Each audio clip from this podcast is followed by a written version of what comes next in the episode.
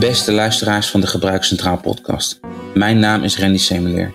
En op dit moment ben ik samen met Gebruikscentraal en DigiToegankelijk erg druk omdat we een nieuwe podcastserie voor jullie opnemen. Ik praat met specialisten over de achtergrond en de toekomst van digitale toegankelijkheid.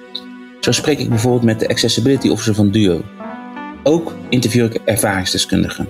Zo hoor ik van hen waar ze dagelijks tegenaan lopen als een website of app niet toegankelijk is. Een van mijn gasten zei: Een gebouw moet toegankelijk zijn en daar is ook aandacht voor. Waarom een website dan niet? Zelfs een heet hangijzer als het gaat om de toegankelijkheid, de PDF, gaan we niet uit de weg. Als bonus interview ik Derek Featherstone, internationaal bekende spreker op het gebied van inclusief ontwerp. Wil je met digitale toegankelijkheid aan de slag voor jouw organisatie? Of zit je al midden in het proces? Of moet je nog mensen overtuigen om er aandacht aan te geven? Dan is deze serie voor jou. Regelmatig geven mijn gasten concrete handvatten waar je het onderwerp direct mee kan aanpakken in jouw organisatie. En werk je niet voor de overheid? Dat is geen probleem.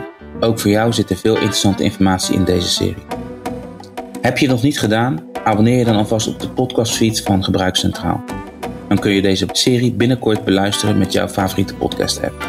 We spreken elkaar dan.